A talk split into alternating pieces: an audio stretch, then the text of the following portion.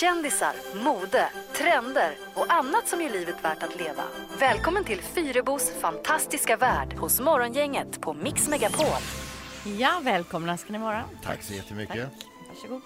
Idag ska vi snacka då lite om produkter som kändisar tipsar om.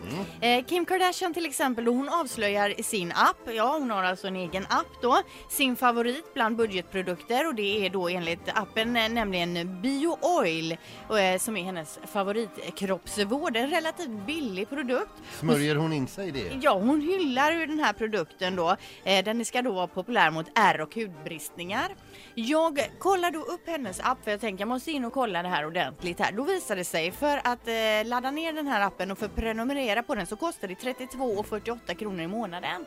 Eh, då får man tillgång till allting som hon uppdaterar. Så inte nog med att appen kostar då de här 32 spännen i månaden. Dessutom får hon ju troligtvis ganska fett betalt för att skriva det här om till exempel bio oil då kan man ju tänka sig. Jag har ju ett här efter brorsan brände med mig en lödkolv. Och man smörjer in sig med den här och det är bara poff så är det borta. Testa, testa. Eh, det står dock att det är mycket vanligt gra- bland gravida. Men det funkar Men det säkert. kanske funkar på mitt eh, binnikemask, äh, eller binnikemask heter det inte, det heter blindtarm. Ja, testa på det ärret också. Ja, prova det. Jag går vidare. Fortsätt. Pernilla Wahlgren såg jag till exempel då på Instagram för några veckor sedan här. Hon tipsade om Hollywood Hair Talk Extensions, vilket är då löshår som man tejpar fast som ska vara det mest skonsamma just nu. Nu har jag skaffat mig Novo Mastercard, så skriver eh, Hanna Graf och lägger då till och vid varje köp går en slant till mitt pensionssparande. Även hennes syrra är ute och tipsar på sin blogg och hon fick ju nyligen barn.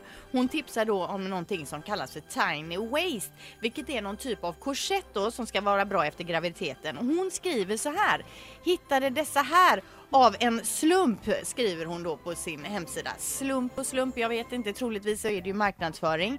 Och efter eh, så eh, avslutar hon hela inlägget då. Efter ett par timmar var min molande verk borta. De håller ihop magmuskler, tarmar och överkropp.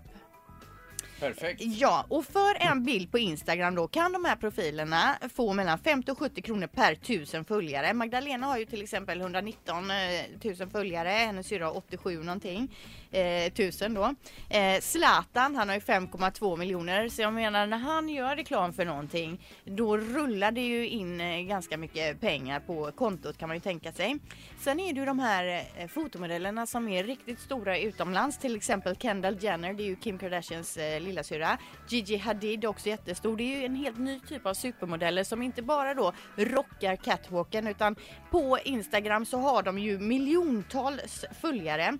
Och för en enda bild med sponsrat inne- innehåll så kan till exempel Kendall och Gigi då kamma hem mellan 1 och 2,4 miljoner kronor. Alltså för en bild där det kanske står en produkt i bakgrunden eller de målar sig med något läppstift. De kanske inte ens skriver om det utan bara syns på bilden det här då.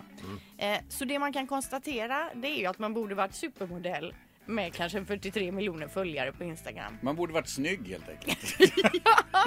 Bra! Ja, bra. Men det är ju ändå lite mer, det är mer fascinerande att de får så mycket pengar för de här sakerna. Eh, Det är ju just det att vi som konsumerar dem följer dem som en skock med får. Ja, du ska ju testa den här Kim Kardashian Bio Oil nu. Red- Du gick ju på det med en gång och då var det ju bara jag som nämnde det liksom i tredje, fjärde hand här. Men hon skriver ju själv och uppenbarligen funkar det väldigt bra. Ja, Ja, det låter trovärdigt. Ett poddtips från Podplay. I fallen jag aldrig glömmer djupdyker Hasse Aro i arbetet bakom några av Sveriges mest uppseendeväckande brottsutredningar. Går vi in med hemlig telefonavlyssning och, och då upplever vi att vi får en total förändring av hans beteende. Vad är det som händer nu? Vem är det som läcker? Och så säger han att jag är kriminell, jag har varit kriminell i hela mitt liv men att mörda ett barn, där går min gräns. Nya säsongen av Fallen jag aldrig glömmer på Podplay.